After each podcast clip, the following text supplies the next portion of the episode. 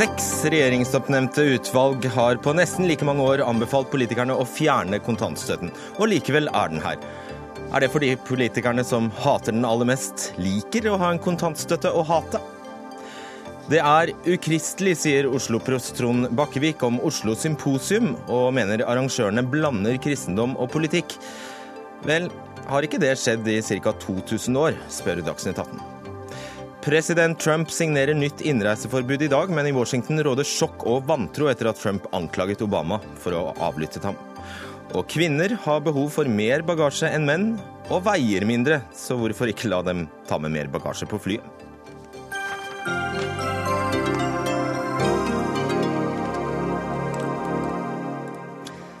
Da var en ny utgave av Dagsnytt 18 i gang. Jeg heter Fredrik Solvang. Ja, Det har nærmest blitt en årlig tradisjon. Regjeringsoppnevnte utvalg som eh, etter en lang utredning, grundige utredninger, anbefaler regjeringen å fjerne kontantstøtten til fordel for andre løsninger.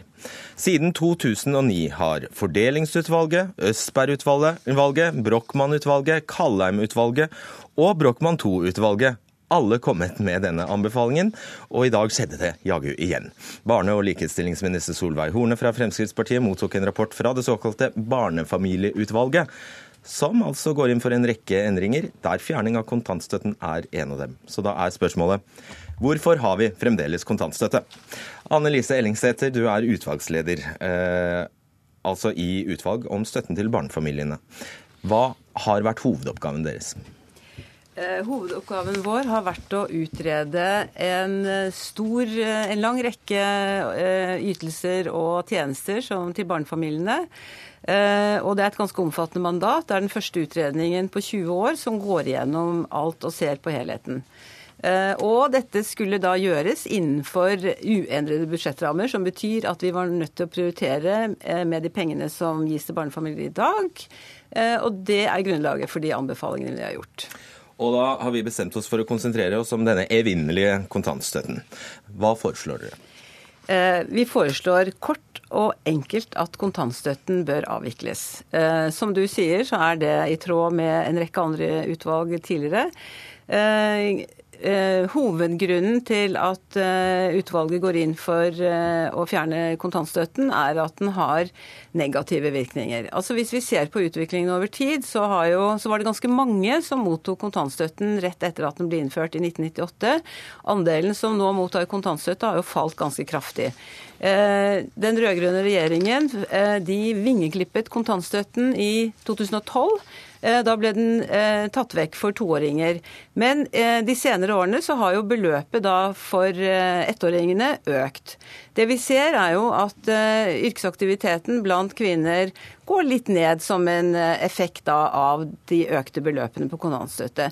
Og det som er interessant, er jo at den gruppa som mottar kontantstøtte, har jo blitt mer og mer homogen, altså mer og mer lik. Det er en overrepresentasjon av kvinner med Eh, innvandrerbakgrunn og lav utdanning. Eh, det som er hovedproblemet da, i, med dagens kontantstøtte, er jo også at altså det holder jo da kvinner utenfor arbeidsmarkedet, men det holder også barna vekk fra barnehage. Eh, og eh, i eh, integreringsdebatten så har jo kontantstøtten blitt oppfatta som mer og mer problematisk. Og det er jo noe av grunnlaget også for at dette utvalget foreslår å fase den ut. Og da må du nesten også få si to ord om hva du har tenkt å erstatte bl.a. kontantstøtten med. For det henger ja, sammen, dette her. Ja da, det henger sammen. Eh, våre, altså Vi har ganske mange forslag, men de to hovedkomponentene i forslaget vårt det handler om eh, å øke likestillingen i forhold til foreldrepengeordningen, hvor vi går inn for å eh, gi alle foreldre eh, foreldrepenger. De som i dag får eh, engangsstønad, de skal få en løpende minsteytelse på 185 000 kroner i året, uten at de har behøvd å å opparbeide eh, rettigheter på forhånd gjennom eh, lønnet eh, arbeid. Så foreslår vi at fedre skal få rett til å ta ut permisjon uavhengig av mødre, altså individuelle rettigheter for både mor og far. Eh, og så foreslår vi en deling av foreldrepermisjonen. Eh, mor skal få eh, reservert tre uker før fødsel og seks uker etter fødsel, som har ligget der som en ordning ganske lenge.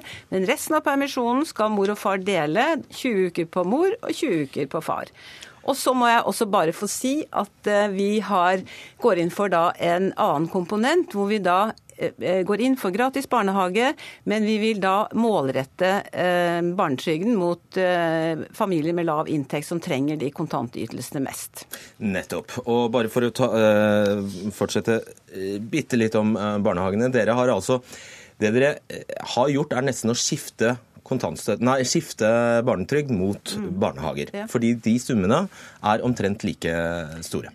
Ja, altså Barnetrygden er på ca. 15 milliarder. Det vil koste 11,6 milliarder å innføre gratis barnetrygd. Men ved å målrette eh, barnetrygden mot eh, lavinntektsfamilier, så eh, får man da 9 milliarder. Og så har vi hentet noen milliarder fra andre steder. Så, men det er, eh, tankegangen bak det er at vi veksler en universell ytelse som går til alle, fordi vi mener at universelle ytelser er viktige. Barnetrygden Også, er det. Ja, barnetrygden eh, er en sant, Universell betyr at det går til alle. Eh, med, vi veksler det inn da mot en universell tjeneste som vi mener er mer tilpasset eh, situasjonen til dagens familier. Og så skal jeg be deg om å være politisk analytiker. Hva er grunnen til at du kommer nå som det sjuende utvalget på rad og vil fjerne denne kontantstøtten, og vi fremdeles har den? Hvorfor er den fremdeles med oss, spør ja, du om. Hvorfor? Ja. Eh, det kan man lure på. Eh, det er jo noe utvalget ikke har eh, gjort analyse av. Men jeg driver jo også analyser av familiepolitikk, som den forskeren jeg er. Og der vil jeg si at det er flere ting som har bidratt til at den fremdeles er her. Eh, det første er at eh, kontantstøtten er, har vært en ganske viktig markør når det gjelder eh, forskjellen mellom høyre og sentrum versus venstresiden i norsk politikk. Så den har hatt en veldig sånn viktig markørstatus, og kanskje særlig også fordi at eh, når det gjelder eh, de, en del av de andre områdene, så har enigheten faktisk blitt ganske stor. Altså Når det gjelder barnehage, så konkurrerer jo da partiene om å, om best, å være best på barnehage. Betyr det at begge sider har hatt like stor bruk for denne kontantstøtten? Både de som liker den og de som ikke liker den? Nei, jeg vil nok si at eh, det har vært en klar fordel for eh, sentrum-høyresiden. Fordi at eh, kontantstøtten er jo basert på valgfrihet som ideologi, og det er en veldig positiv verdi. Det gir en veldig sterk retorisk fordel, mener jeg, til sentrum-høyresiden. Og det er også en grunn til å holde på det. Det er veldig vanskelig å argumentere mot, mot valgfrihet. Og derfor skjer det bare i offentlige utvalg, og ikke i politikken? Ja. Men kan jeg også bare få føye til en, en, tredje ting som jeg tror er veldig viktig, og det er jo nødvendigheten av eh, politiske kompromisser i norsk politikk. Eh, den rød-grønne regjeringen de fikk ikke gjort noe mer enn å fjerne den for toåringer, for der satt Senterpartiet. Eh, og nåværende regjering har jo også Kristelig Folkeparti med som samarbeidspartner. Og Kristelig Folkeparti, kontantstøtten er alltid med når de forhandler om noe. Og det skal vi høre nå. Vi starter rett og slett med deg, Geir Jørgen Bekkevold, fra, eh, stortingsrepresentant fra eh, KrF. Hva er det som gjør at dere nekter å forholde dere til forskning på dette området? Ja, det, det, gjør vi ikke. Eh, det har jeg bare lyst til å begynne å si. Fordi at veldig mange av de rapportene som er lagt fram, de tar utgangspunkt i arbeidslinja. Først og fremst arbeidslinja. Og det er liksom den som er på en måte blitt en sånn hellig ku. Uh, som dere altså er imot, eller? Nei, vi er ikke imot arbeidslinja, men vi vil også ta utgangspunkt i hva er det som, uh, hva er det som familiene trenger. Og jeg mener at uh, En ting er at det er kontantstøtten Vi snakker om, om, at foreldrene må få mulighet til å velge selv. Men like viktig er det å anerkjenne at familiene er forskjellige. Eh, det er ikke en A4-løsning som passer for alle. Og derfor så er vi... Og det hopper altså disse utvalgene bukk over, er det det du mener? Ja, det skulle vært veldig interessant å, å, å få satt ned et utvalg som fikk eh, noe av det samme mandatet. Hva gjør vi? Hva, hva kan vi gjøre for å få flere innvandrerkvinner ut i arbeidet, uten nødvendigvis å fjerne et, eh, et velferdsgode som gjelder for alle? Og tatt det som utgangspunkt. Jeg syns det av og til blir lett for lettvint å, både skyve innvandrerkvinner foran seg, men også liksom å fjerne denne kontantstøtten, og, og så er det liksom en fix som gjør at da kommer alle kvinner inn i arbeid. For sånn er det ikke.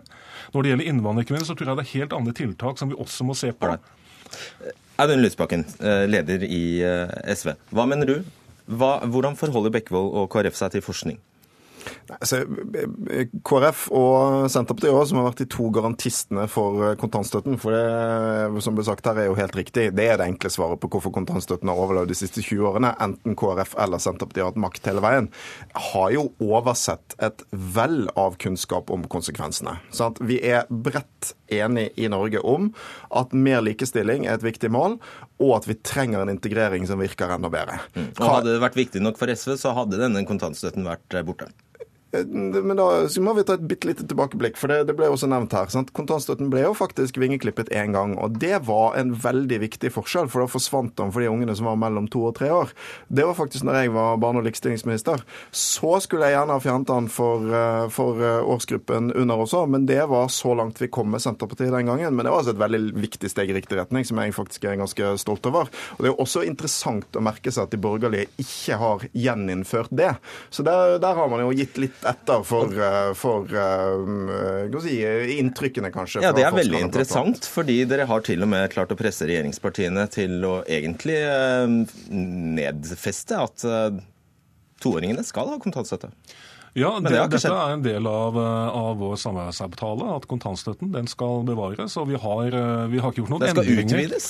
Nei, det ligger ikke i samarbeidsavtalen. Det ligger i regjeringsplattformen, og det, det, er to helt forskjellige ting. Eh, vi har hatt fokus nå på å gjøre kontantstøtten relevant for familier med barn mellom ett og to år. Og jeg har lyst til å understreke det. Det er mellom ett og to år. Vi snakker av og til mer om kontantstøtten som om det skulle være noe som, som varer fram til skolestart. Det er det, til, det er det definitivt ikke.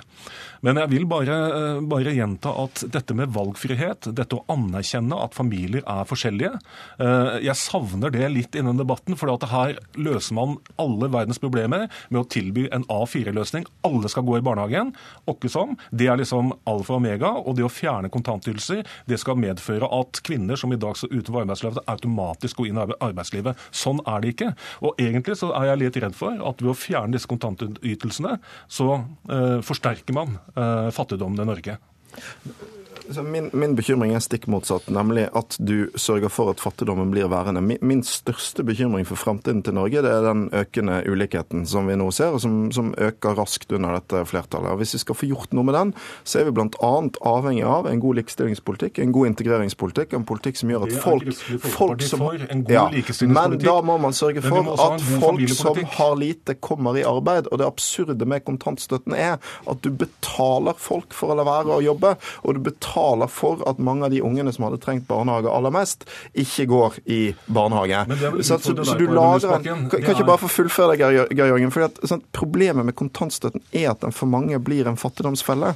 Den gjør at det ikke lønner seg å sende ungene i barnehagen. Det gjør at det ikke lønner seg å velge jobb. Det er for øvrig også min innvending mot det ene forslaget for dette utvalget jeg er veldig uenig i, nemlig å behovsprøve barnetrygden. For da frykter jeg at du lager en ny uh, sånn fattigdomsfelle. Men du får jo gratis barnehage i, i retur. Ja, men men det kan du gjøre med andre penger. Jeg syns ikke vi skal ta de pengene fra barnefamiliene. Jeg syns heller vi skal ta de fra den økonomiske eliten i Norge og de som har mye. Det er en bedre deal, syns jeg.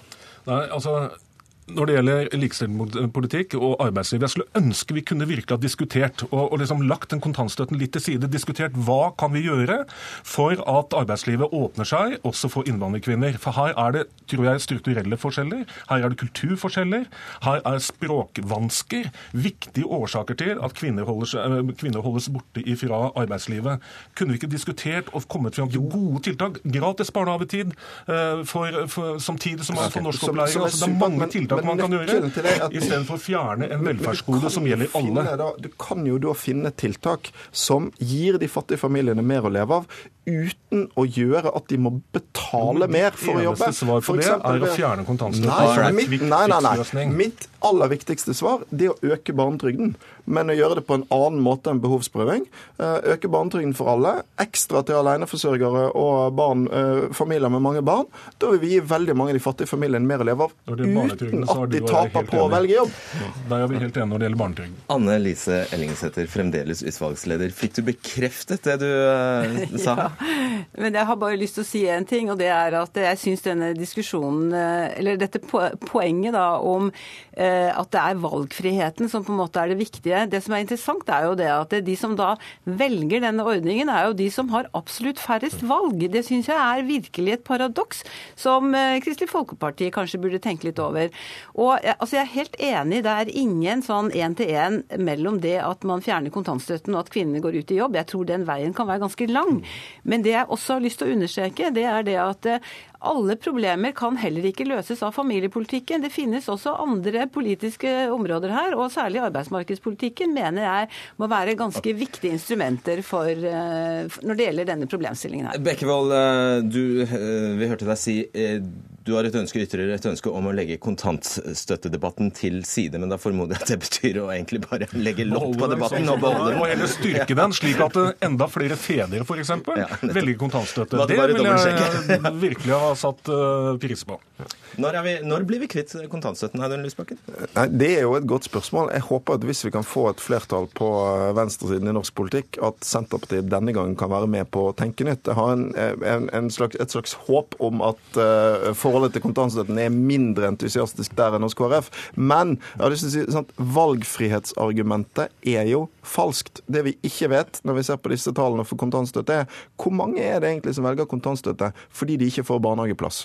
Sannsynligvis ganske mange. Det, det, sier jo faktisk utvalget noe om. Da. Det, er faktisk 86% eller noe som eh, har tilbud om barnehageplass, men som mottar kontantstøtte.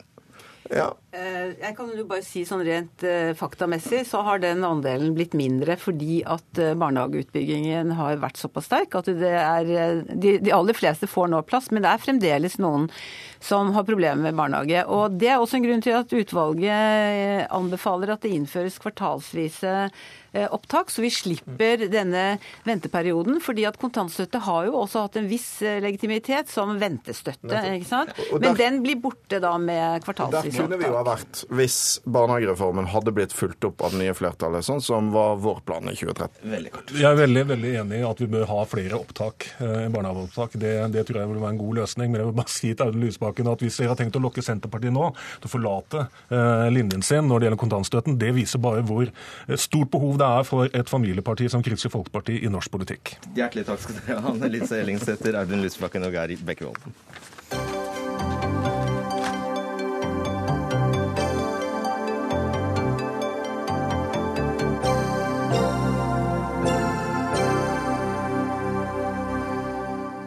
Ukristelig, sier Oslo-prost Trond Bakkevik til Vårt Land om Oslo Symposium og mener arrangørene blander kristendom og politikk i en alt annet enn skjønn forening. Et av hovedmålene til den kristenkonservative mønstringen som ble avholdt i helgen, er å stoppe muligheten for en ny rød-grønn regjering etter neste valg. Oslo Symposium arrangeres hvert valgår, og i tillegg til flere samfunnsdebattanter sto bl.a. Sylvi Listhaug, Torbjørn Røe Isaksen og Carl I. Hagen på talerstolen i helgen. Og Trond Bakkevik, eh, du er altså eh, mildt sagt svært eh, kritisk til denne, denne mønstringen, men å kalle det ukristent? Jo, det er jo et politisk prosjekt som velger seg en religion for å begrunne det. Og det har jo ikke noe med kristen tro å gjøre. Hvor, hvorfor ikke? Fordi at kristen tro handler om å tro på Gud. Og det er det som samler oss, og det er det som gjør oss til kristne. At vi tror på Jesus og tror på Gud. Og så har vi ulike politiske oppfatninger om dette. Og når da Oslo Symposium presenteres med sitt viktigste mål å forhindre at Arbeiderpartiet kommer til makten ved høsten, så er det en fortelling om at dette handler om andre ting enn kristen tro. Hvilken partitilhørighet har du? Ja, det regnet jeg med skulle komme. Jeg tilhører Arbeiderpartiet, men jeg har en lang historie på å advare mot at man blander kristendom og politikk. Og senest, eller allerede i 1999, så gikk jeg ut mot andre som mente at man ikke skulle gi en kristelig velsignelse til at Fremskrittspartiet skulle inn i byrådet i Oslo. Det tok jeg avstand fra. Jeg sa at det er ingenting som vi har noe med som kirke å gjøre. La oss teste akkurat det der først som sist. Bjarte Ustebø, leder for Oslo Symposium og redaktør av avisen Norge i dag. Har Bakkevik ryggen fri? Eh, når han sier det som han gjør, så forstår jeg hvorfor han kommer så skjevt ut. For han sier at vi har valgt oss et politisk prosjekt, og så bruker vi vår kristne tro til å begrunne det. Det er helt omvendt. Vi har eh, en del ting som vi er veldig opptatt av. Eh, med utgangspunkt i vår kristne tro. Det er vern om Norges kristne kultur. Det er vern om livet. Det er vern om, eh, om retten til å lyde Gud mer enn menneskene, og samvittigheten settes på prøve.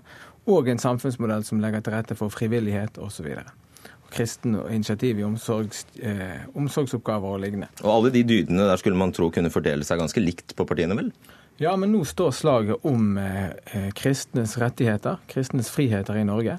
Vi ser hvordan de rød-grønne i forrige periode, eh, og når de har makten i bystyret i Oslo f.eks., bruker den til å stenge kristne stemmer, til å ta fra kristne statsstøtten, til å drive friskoler etc.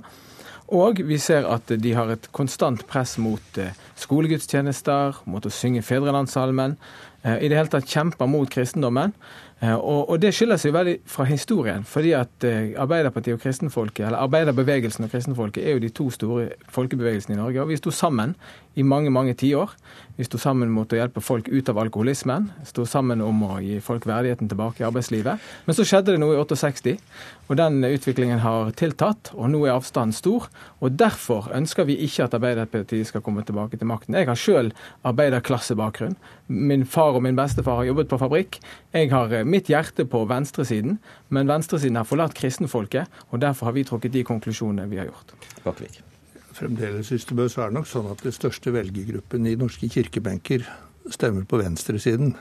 Men det, sånn at din påstand om hvor kristenfolket befinner seg politisk, den er ganske enkelt feil. Men det er ikke det vi diskuterer her. Vi diskuterer noe som du, da du ble spurt i Vårt Land, hva som var det viktigste ved, ved, ved, Oslo Symposium, så var det å forhindre at Arbeiderpartiet kommer tilbake til makten. Og da sier jeg dette er et politisk prosjekt som velger seg religion. Ja, som begrunnelse. Det er situasjonsbetinget. Eh, som sagt, historien var en annen. Fremtiden kan være en annen. Min utfordring til Arbeiderpartiet i dag er å ta et oppgjør med sin egen sekulær fundamentalisme. Ja. Reflekterte gjestene på årets Oslo Symposium eh, at eh, fremtiden kan se annerledes ut?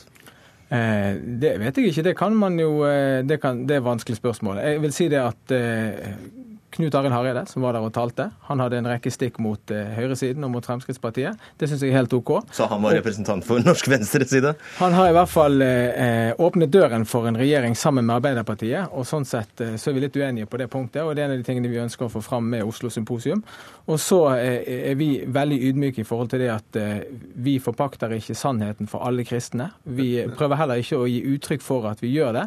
Men vi har fra arrangørens side, og med jeg tror jeg støtte fra veldig mange, og vi hadde rekordpåmelding i år, 700 deltakere på symposiet, tatt opp noen saker som vi er veldig opptatt av, og som berører kristnes friheter. Og det tror vi blir viktigere og viktigere i eh, tiden som kommer, og i generasjoner som kommer. Altså er, ja, okay. Men, men uh, Ystebø, for det første markerer du ikke at dette handler om kristen tro. Du markerer at dette handler om et oppgjør med Arbeiderpartiet.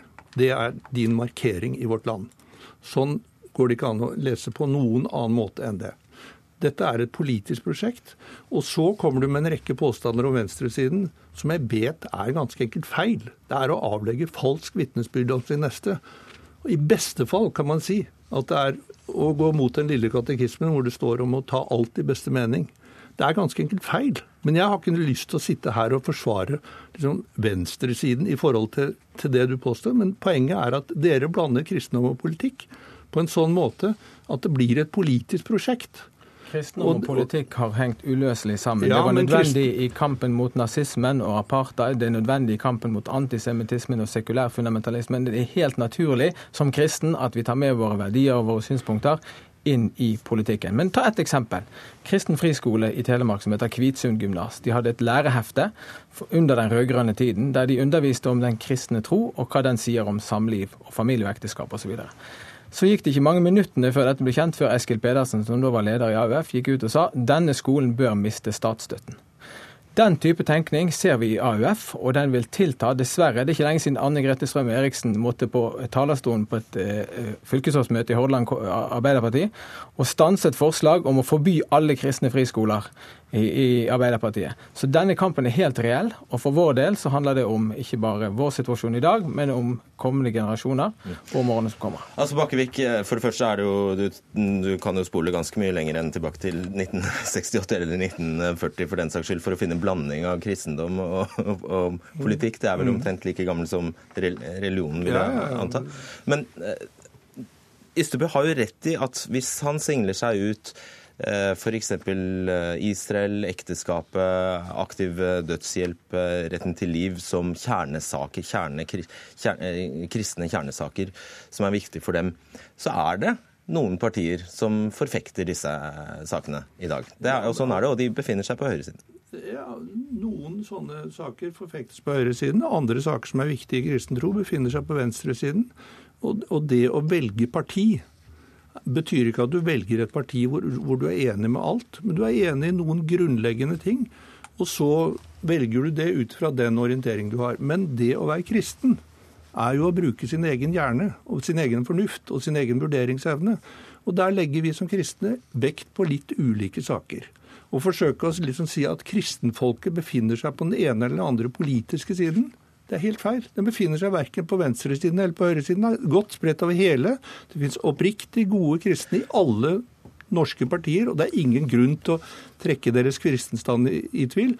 Men det å bruke kristendommen til å si at det er ett parti, én side, da lager man seg et politisk prosjekt. Men ingenting av det som Bakkevik eh, sier har noen ting med Oslo Symposium å gjøre. Vi har ikke gjort det som han sier i det hele tatt. Vi har sagt at vi som kristne har noen bekymringer som vi har tatt politiske konsekvenser av. Vi har ikke sagt at det er noen kristen plikt å stemme verken KrF eller Frp. Og jeg regner ikke med at han heller vil mene det samme om sitt parti, Arbeiderparti. Jeg tror dette grunnleggende handler om at Bakkevik han hører til på Arbeiderpartiet. Han vil at helt sikkert at KrF skal gå den veien. Jeg vil det motsatte, og det er helt skvært. Men de anklagene som vi blir utsatt for, de stemmer ikke. Vi er en eh, kristen bevegelse. Vi har politiske standpunkter. Det er ikke noe mer enn det. Og vi prøver ikke å, å, gjøre de til noe mer enn det de er. Det er våre standpunkter. Og de har stor oppslutning, og de har voksende oppslutning. Og det er jo nesten ikke Ystebø du skulle kritisere, det er de politikerne som takker ja. Ja, gjerne det. Altså, jeg syns det er helt feil å opptre på, på, på Oslo, Oslo Symposium. Det er et politisk prosjekt som velger seg religion.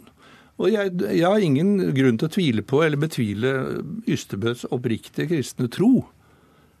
Men den måten han presenterer Oslo Symposium på, er et rent politisk prosjekt. Ok, bare grip fatt i det du hva, hva mener du eh, Hareide? Hvilken uh, forsømmelse gjør han seg skyldig i? Ja, han gjør den forsømmelsen å stille opp der. Hva sier du til det, Ystebø? Ja, altså det, det, er jo sånn at uh, det finnes en elite i Norge som vil fortelle hvem som er innenfor og hvem som er utenfor. Vi har vært utsatt for dette her. Forsøkene på å stilne Oslo Symposium har ikke vært spesielt vellykket. Uh, og, uh, og, dette er dette meningspolitiet som vil bli utsatt for. Man bør ikke være hos disse folkene pga. det de sier og gjør osv. Vi er helt vanlige innbyggere i det norske samfunnet. Folk med dyp omsorg for landet sitt og en viktig velgergruppe, og vi opptrer i åpenhet med politiske argumenter. Jeg mistenker én ting, og det er at Bakkevik har ikke hørt en eneste tale fra Oslo Symposium, eller vært på Oslo Symposium. Så du er invitert i 2019. Så skal du få se at det vi holder på med, det er en helt ordinær politisk samtale. Ja, og vi har et viktig bidrag i den sammenheng, ja. og vi gjør det med utgangspunkt i vår kristne tro. Der mente han du avslørte deg siden du sa politisk samtale. Ja. ja. Vi setter strek her. Takk, Bjarte Ystebø og Trond Bakkevik. For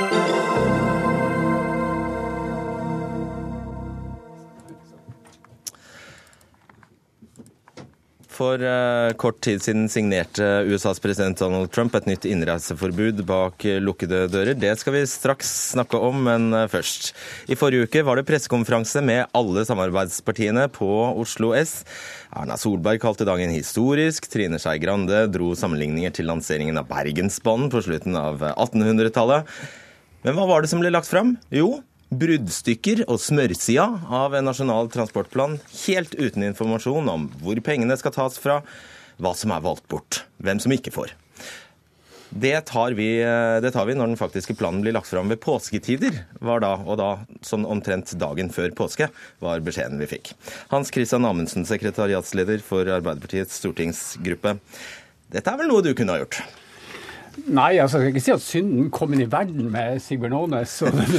Det skal jeg ikke gjøre. Men det, det, det jeg syns er ille, at, eller som vi bør diskutere, da, det at uh, dette er så massivt nå. Den ene saken du nevner her, transportplanen, kanskje aller verst, de la frem og lakk fra skatte- og avgiftsopplegget før Stortinget fikk det presentert.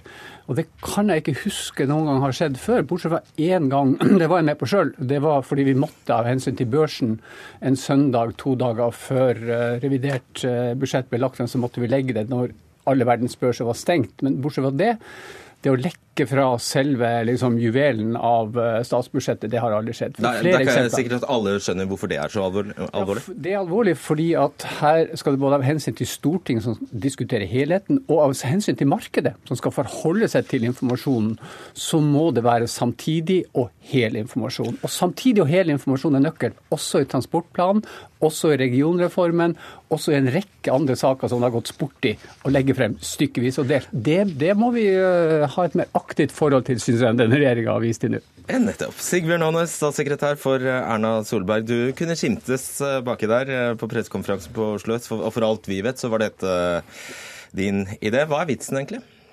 Nei, eh, det, for det første så var det veldig gledelig for eh, oss at de fire partiene eh, har kommet fram til noe som er så viktig i en stortingsperiode som en nasjonal transportplan.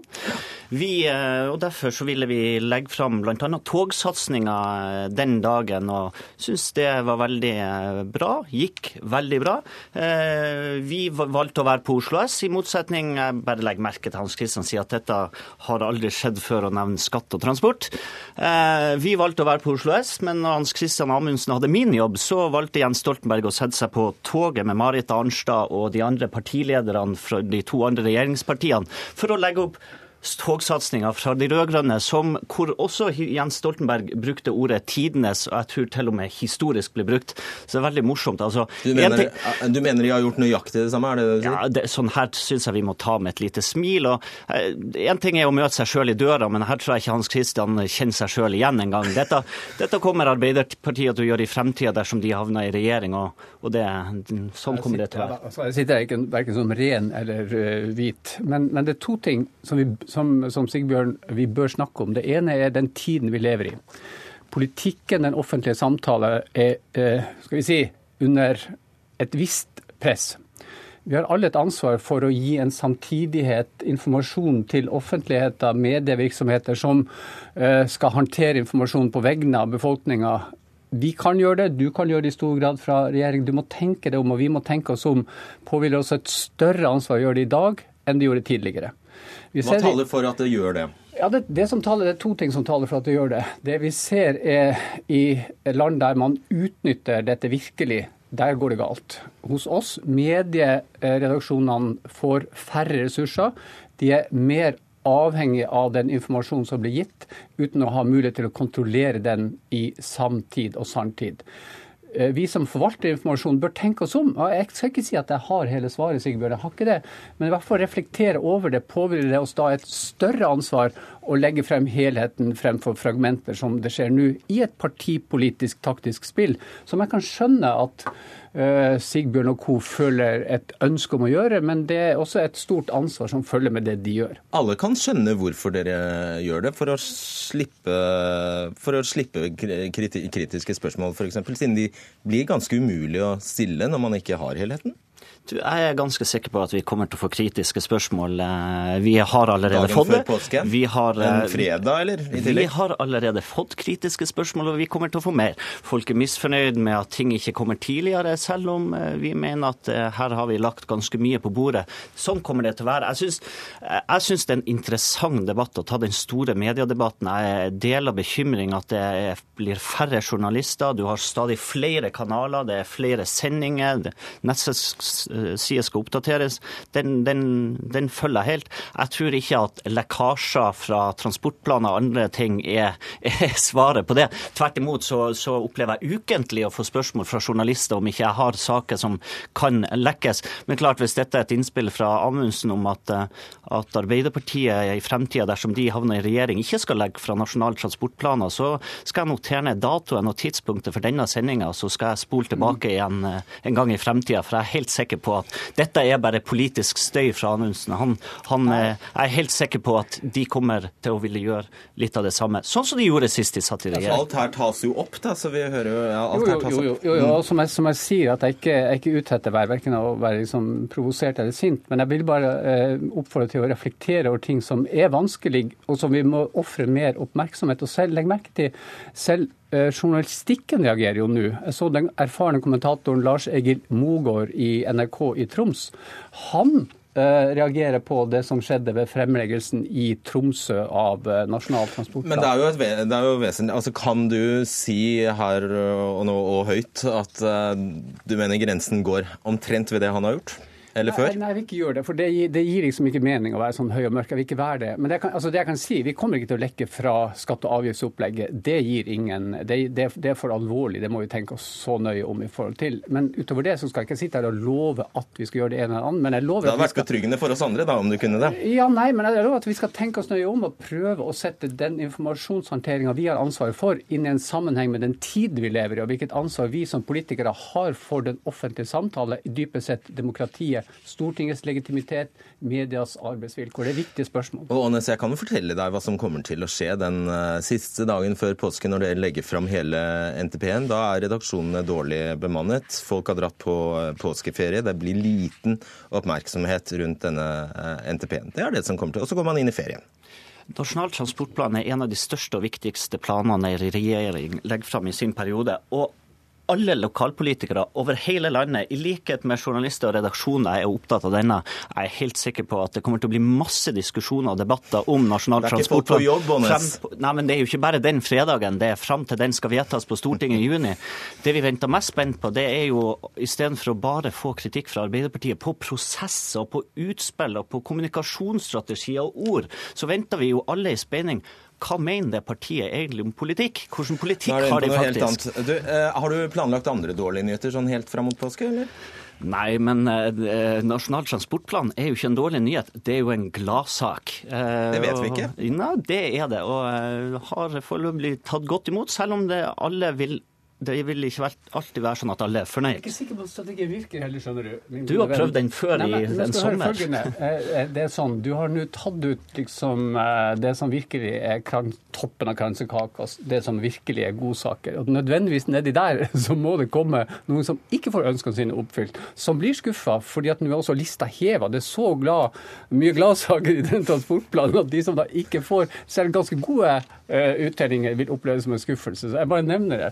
Det kan være faktisk en risstjegen bak det som skjer. Er du Ja, du kan svare på det. Det syns jeg det må ta gjerne kritikk fra Amundsen og Arbeiderpartiet på kommunikasjonsstrategien. Jeg kan bare si det sånn at vi er ganske fornøyd. Og jeg er helt sikker på at du er Arbeiderparti, Arbeiderpartiordførere og politikere over hele landet kommer til å kritisere den nærmest uansett hva Ja, som du, står i den. hvorfor er du så fornøyd, Sigbjørn Aanes? Det viser at det, Hvorfor det, er du det så fornøyd, Sigbjørn Aanes? Det er fordi at vi syns eh, vi har fått eh, mye eh, ut av å fortelle om mye av det som står i den planen. Eh, Der er fortsatt masse igjen. eh, Og jeg er helt sikker på at det kommer til å bli stor debatt om denne planen eh, når den kommer, og helt fram til juni når den skal vedtas i Stortinget. Og Til syvende og sist så er det jo Stortinget som bestemmer, så hva har egentlig disse datoene å si, egentlig? Det er flere faser i et, sånt, den offentlige, det offentlige ordskiftet. Det ene er fra det blir lagt frem og til det formelt sett skal debatteres i stortingssalen, der det skal besluttes. Det er helt riktig. Så den debatten, selve stortingssaldebatten, den kommer til å gå fint. Ikke redd for det. Men en viktig del av meningsdannelsen foregår ifra det øyeblikket den som besitter kunnskapen, makten, eh, i det tilfellet en transportplan, et budsjett, velger å legge det frem og lar offentligheten, media, politikere, andre aktører, vi har hørt tidligere i sendinga her, samfunnsaktører som ikke er verken politikere eller journalister, få ta del i den samtalen. Mye avgjøres der. Det er den delen som nå aborteres gjennom den måten å jobbe ganske systematisk på som vi har sett regjeringa gjøre. Det syns jeg er trist. Og vi har jo sett også at det kan gå veldig galt, som man gjorde med den bilpakka og avgifta som kom i, i fjor høst. Det holdt jo på å ta livet av famøse regjeringa, faktisk. ultimatumpressekonferansen, ikke mener du? Er du fornøyd med den, eller? Ja, eh, og eh, jeg, jeg, jeg tror bare helt sikkert eh, det, det blir så det, det jeg tror er rart for velgerne, det er hvis jeg skulle ha sittet og kritisert Hans Christian og Arbeiderpartiet for det samme som jeg gjorde sjøl. Nå sitter jeg her i studio og blir kritisert av Arbeiderpartiet. Kolberg går så langt til å kalle det propaganda for å gjøre det samme som Arbeiderpartiet gjorde sjøl. Det tror jeg de fleste ser blir litt for dumt. Heldigvis har vi alle øyne og ører. Takk skal dere ha, Sigbjørn Aanes og Hans Christian Amundsen.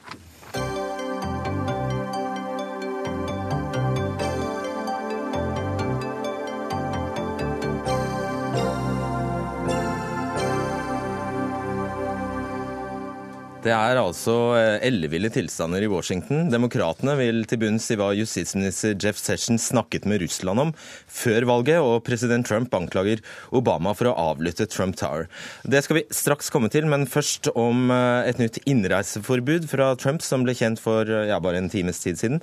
Den forrige presidentordren fra januar ble jo stanset i rettssystemet, og i den nye presidentordren skal juridiske formuleringer ha blitt endret, og snevre ting, kan man si, slik at det skal bli vanskeligere for føderale dommere å stanse den. Og Tove Bjørgaas, korrespondent for NRK i Washington, hvilke justeringer er det nå Trump har gjort, sånn at eh, dette innreiseforbudet får effekt? Fra, uh, får effekt? Det viktigste er at han har fjernet uh, de som allerede har visum til USA, de som har grønt kort, altså permanent opphold, de som har doble statsborgerskap, slik at det ikke blir krise på flyplassene. Dette skal gjelde fra 16. mars bare de som søker nye visum som er omfattet. I tillegg så har han eh, tatt eh, bort et land, Irak. Et land eh, som jo der mange har gjort amerikanerne i en lang og, og, vond krig, og det ble veldig kritikk etter at det landet sto uh, på lista. Ja. Altså Tove Bjørgas, det spraker veldig på linja di, så vi skal gjøre et lite forsøk på å få deg tilbake på en bedre linje. I mellomtiden har vi Halvard Notaker her, forsker og historiker. Um, hva må til for at Trump får dette innreise? Er det bedre nå? Kanskje det er bedre nå, men vi, nå, nå, da fullfører jeg spørsmålet til Halvard, og så eh, tar vi deg inn etterpå, Tove. Eh, hva må til for at Trump får dette innreiseforbudet gjennom? Han har nok gjort mye av det som måtte til. Han har i hvert fall tatt vekk, som vi hørte litt av her, eh, en del av de tingene som det stoppet opp på. Bl.a. at mennesker med eh, varig, altså med permanent oppholdstillatelse i USA ikke skulle få komme inn. Det var mye forvirring om det. Og det var spørsmål om mennesker med dobbelt statsborgerskap f.eks. kunne bli hindret hvis de hadde det ene passet sitt i feil land og det andre i USA. Sånne ting skal være ryddet av veien av. Det som ser ut til å være muligens igjen, det er jo dette med å da erklære et helt land for på en måte uh, ulovlig uh, som, som, innreisegrunnlag, å være borger i et land. Og det var jo en av dommerne i hvert fall uh, opptatt av, en av de domstolene som tok opp dette. Om du kunne forklare ordentlig hvorfor alle i et land var farlig. Hvorfor det var en relevant kategori. For det, det sluttet USA egentlig med i 1965. Og så er spørsmålet da hvor langt måte, det forbudet mot sånt, eh, en sånn avgrensning kommer i møte med presidentens rett og plikt til å uh, sørge for borgernes sikkerhet. Så støter de to hensynene sammen. Og det er den balansen som kanskje da vil bli eh, mottatt annerledes nå, når, når eh, forbudet er litt mer dempet i formen og har lagt inn det den i hvert fall mener, så vidt jeg har sett nå med ganske kort tid til å se på det, eh, noen begrunnelser knyttet til hvert land. Ja, For fremdeles eh, Tove Bjørgaas, er jo eh, formålet med forbudet å hindre radikale islamistiske terrorister i å komme til USA. Har det kommet noen reaksjoner allerede? Ja, De som sendte dette til rettssystemet sist, sier fortsatt at det, det, finnes ingen trussel fra disse seks landene som gjør at eh, det er nødvendig å ha et slikt eh, forbud, og sier at de vil utfordre det igjen. Det er altså ingen fra disse seks landene som noensinne har gjennomført terror på amerikansk jord. Og da husker vi at uh, det i motsetning til f.eks. Saudi-Arabia, som faktisk leverte 9-11-terroristene. Det stemmer. det stemmer, og, det er det jo mange som har pekt på her. Hvorfor er ikke Saudi-Arabia og Emiratene og Egypt på denne lista? Og Da kan man jo f.eks. si at eh, ja, Saudi-Arabia og Emiratene betaler for veldig mye av det som foregår her i landet, og derfor vil det være veldig problematisk for en administrasjon å plassere dem på en slik liste. Men mange mener jo da at det er dobbeltmoral. Uh, og det som skjer nå, uh, Halvor Notaker, er altså at eller, eller hva skjer? Nei, det, det, det, som i hvert fall ikke skjer, er at dette settes i verk helt med en gang. For noe av det som gikk galt sist, var jo at denne ordren kom eh, med dunk, og så var det på en måte bare nye regler og full forvirring overalt. Nå har de satt en dato litt fram i tid. De har vært i dialog med disse departementene som skal håndheve dette, og det høres ut som gode ideer, eh, sånn fra et lekmannsbyråkratisk perspektiv å snakke sammen på forhånd. Så da kan man vel regne med at det blir mindre oppstuss. Og det skal også være sånn at de som har riktige stempler i passet fra før, de skal ikke nå bli stanset. Det er nye saksbehandlinger som påvirkes av dette her. Så man har gjort det litt mer tradisjonelt velforberedt og med tanke på den konkrete gjennomføringen. Og det kan jo eh, tenkes at det får positive effekter. 16. mars er vel den datoen som er sagt eh, dette skal trå i kraft nå, Tove Bjørgaas. Så eh, det blir jo av mange fremdeles oppfattet som et eh, forbud mot muslimer i USA. Men det er åpenbart fremdeles veldig viktig for Donald Trump å få dette gjennom? Det er veldig viktig. Det er en hjørnestein i hans eh, politikk for en strengere innvandringspolitikk. Få, å få kontroll, som han sier, over eh, grensene. Og det, Hvis du spør hans tilhengere, så vil nesten ja, for et stort flertall av de jeg snakker med, sier at nasjonal sikkerhet og grensesikkerhet er det viktigste eh, for dem. Og så har han et intenst behov nå for å få oppmerksomheten over på politikken etter denne bruduljete eh, avslutningen av forrige uke med Sessions og denne helgen altså, hvor han da anklager presidenten for å ha avlyttet ham i Trump Tower. Ja, Da tar vi den delen først som sist, siden du nevner det, Tove. Ehm, det er altså slik at eh, ja, Trump eh, på sosiale medier eh, hevdet at, eh, eller på Twitter var det vel, nok en gang, at Barack Obama satte i gang telefonavlyttingen av ham under valgkampen. Og eh, det er dette som opptar amerikanerne i dag.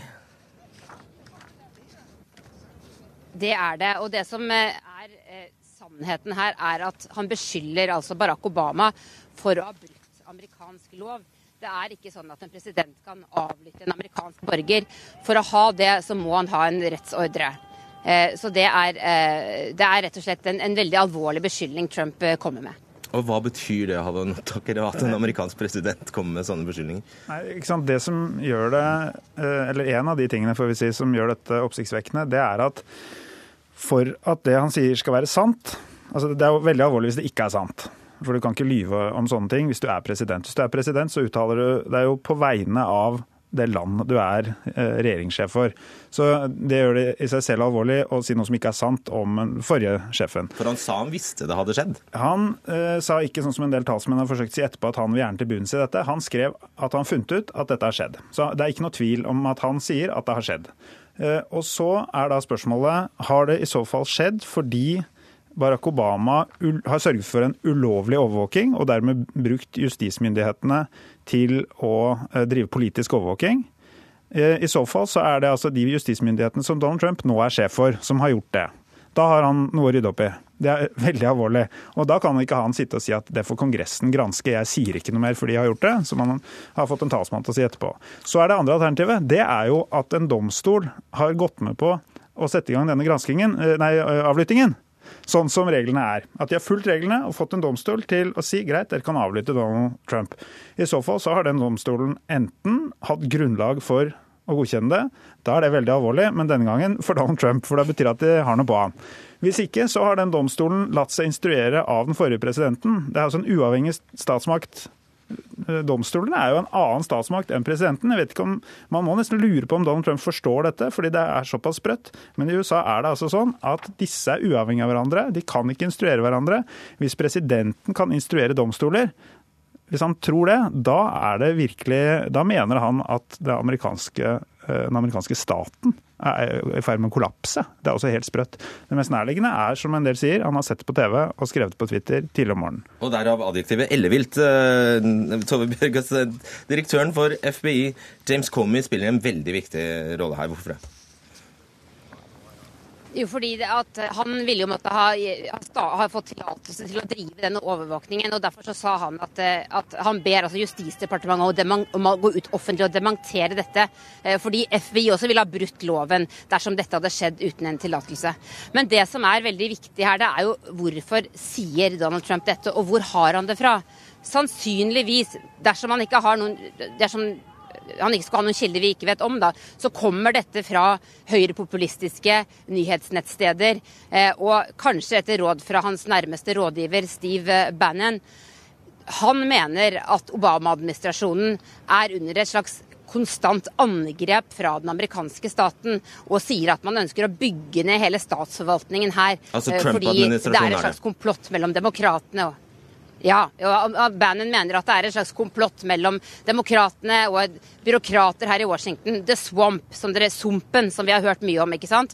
Eh, og, og, og, hver gang eh, nesten det kommer en, en, en, kritikk mot Trump av den typen vi så med Sessions i forrige uke, så går Trump da enda lenger ut og kommer med enda mer eh, kanskje spesielle, ekstreme uttalelser, beskyldninger. Eh, og det er dette man diskuterer her nå. Eh, er han klar over hva det innebærer når man sier slike ting? I dag har det sågar kommet eh, krav, eller noen har bedt Twitter om å, slette Twitter-kontoen til presidenten.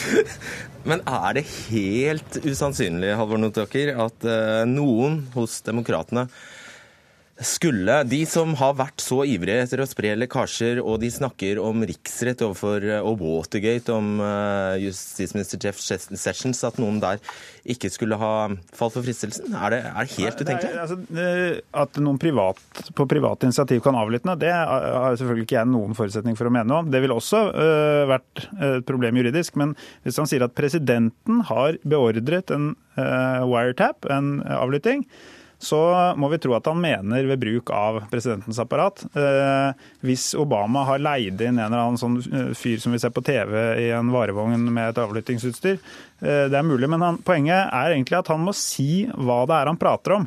Han kan ikke si, som han nå har sagt, vi kommenterer ingenting, sier Sean Spicer, talsmannen, før Kongressen har satt i gang en granskning. Og De vet altså ikke da hva det er de skal granske, for det vil ikke han si. Det er jo helt parodisk, og det er veldig veldig alvorlig. For dette er ikke et eller annet, eh, en eller lite kommunestyre et eller annet sted. Det er verdens mektigste land med verdens mektigste etterretningsapparat, som er helt rett og slett ute å kjøre i forholdet mellom han som bestemmer over det etterretningsapparatet og justisapparatet, og de som skal utføre de etterretningstjenestene på amerikansk jord.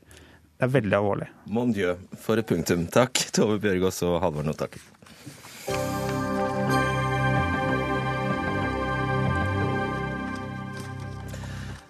Et passasjerfly kan ikke bære ubegrenset med folk og vekt, og vi har vel alle måttet gjøre tøffe pakkeprioriteringer for å unngå saftige ekstragebyr.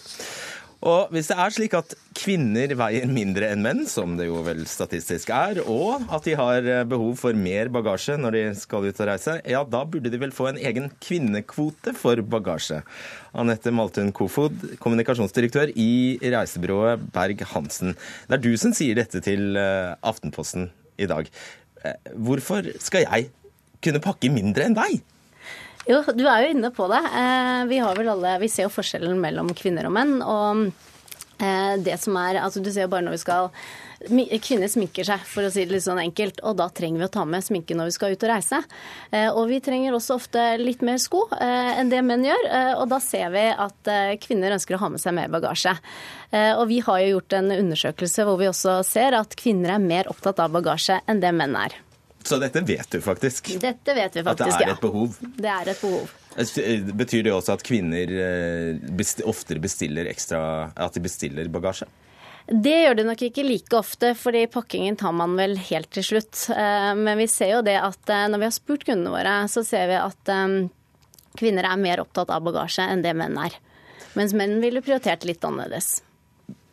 ofte kan jo herreklær være ganske mye tyngre enn lette damebluser, f.eks. Ja, det kan godt være, men uh, allikevel så er det noe med skoene og det er noe med toalettmoppen som ofte veier litt mer. Men jeg tror nok heller dette er et, uh, et uttrykk også. altså Vi kan uh, godt si bagasje, vi trenger mer av det. Men det er et uttrykk for en, en bransje som kanskje ligger litt etter og har vært styrt av menn, og også hvor kvinnebehovene ikke er tatt like mye med. Og det er vel det som er et uttrykk for den saken i dag. Hmm. Linda Marie Rustad, du er direktør ved Kilden senter for kjønnsforskning. Hva syns du om den ideen? Um, jeg, kilden kjønnsforskning.no. Jeg er ikke fra, fra Senter for kjønnsforskning, men det er greit. Da beklager jeg det. Ja. Eh, Du, jeg tenker at dette handler lite om kjønnsforskjeller, men mest om vekt. Jeg tenker at jeg er en eh, passe stor dame på 1,80 og veier like mye som en passe stor mann. passe liten mann. Så jeg syns ikke at dette, dette er å dra kjønnsforskjeller altfor langt. Um, og at vi kan ikke begynne på en sånn inndeling etter, etter vekt. Eh, her vil det være store variasjoner. eh, kvinner imellom og menn imellom. Eh, og at forslaget liksom savner kompleksitet. Jeg tenker jo også at menn endrer vekt gjennom et livsløp som kvinner. så dette syns jeg er et litt tøysete forslag, rett og slett.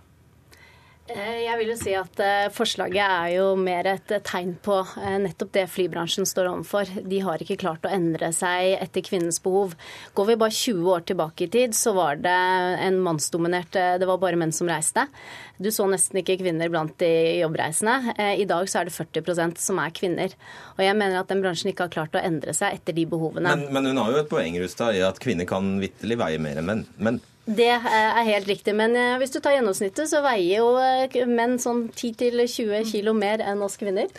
Jeg er litt usikker på også, Det har vært interessant å teste ut lovligheten i det. Altså det er Andre eksempler som har vært gjort basert på en sånn eh, kjønnsforskjell, er jo at eh, kvinner som klipte seg kort og hadde hva skal jeg si, kort guttesveis, måtte betale mer enn gutter for samme sveisen. Eh, så det hadde vært interessant å teste ut om man har lov til å iverksette en sånn type forskjellsbehandling eh, som, som, som det forslaget innebærer. da. Eh, Og jeg tenker jo at I utgangspunktet så er kjønnsforskjeller, og å se på det, er kjempefint. det. Eh, Vi skriver masse om forskning eh, som, som etterspør også mer fokus på kjønnsforskjeller, men her syns jeg man drar det, rett og slett drar det alt. Altfor langt. kunne ikke ha formulert forslaget ditt annerledes for å unngå nettopp den likestillings- eller diskrimineringsfella der, og sagt at kriteriet er vekt, rett og slett? Jo, det kan sikkert være, men jeg tror det er viktig også å se at eh, det er forskjell på kvinner og menn. Og mitt poeng her er jo at eh, flybransjen må se også på kvinnenes behov, for det har vært revet av menns behov, og er det fortsatt. Eh, Til motsetning når man ser hotellbransjen har vært flinkere til å endre seg etter kvinnenes behov også, noe som også har kommet til gode for menn. Hvordan da? Du kan jo si at buksepressen var jo fortsatt Det er ikke lenge siden det ble byttet ut med strykejern. Eh, Og du ser også tekokere. Og det er ganske interessant, for vi hadde jo en eh, periode hvor det var veldig vanskelig å få hotellrom eh, i Norge. Og menn som da bodde på kvinnerom, de spurte om ikke de kunne bo på kvinnerommene neste gang. For det var såpass mye bra som var lagt inn på disse kvinnerommene. Og dette har de jo data på, Ja, men jeg syns de dataene er litt tynne. da. Eh, Nå har jeg bare Aftenpostens statistiske framstilling foran meg. Og det er klart at det er faktisk eh, i den undersøkelsen, som jeg ikke vet hvor mange som har svart på Det er 20 000 som har spurt, men jeg vet ikke hvor mange som har svart. Og jeg vet ikke heller hva Det er slags 20 000 som har svart. Å ja, ok. Så jeg vet ikke hva slags altså, segment av kvinner er dette. Eh, Det vet jeg heller ikke så mye om. Men i svarene så er jo menn mer opptatt av f.eks.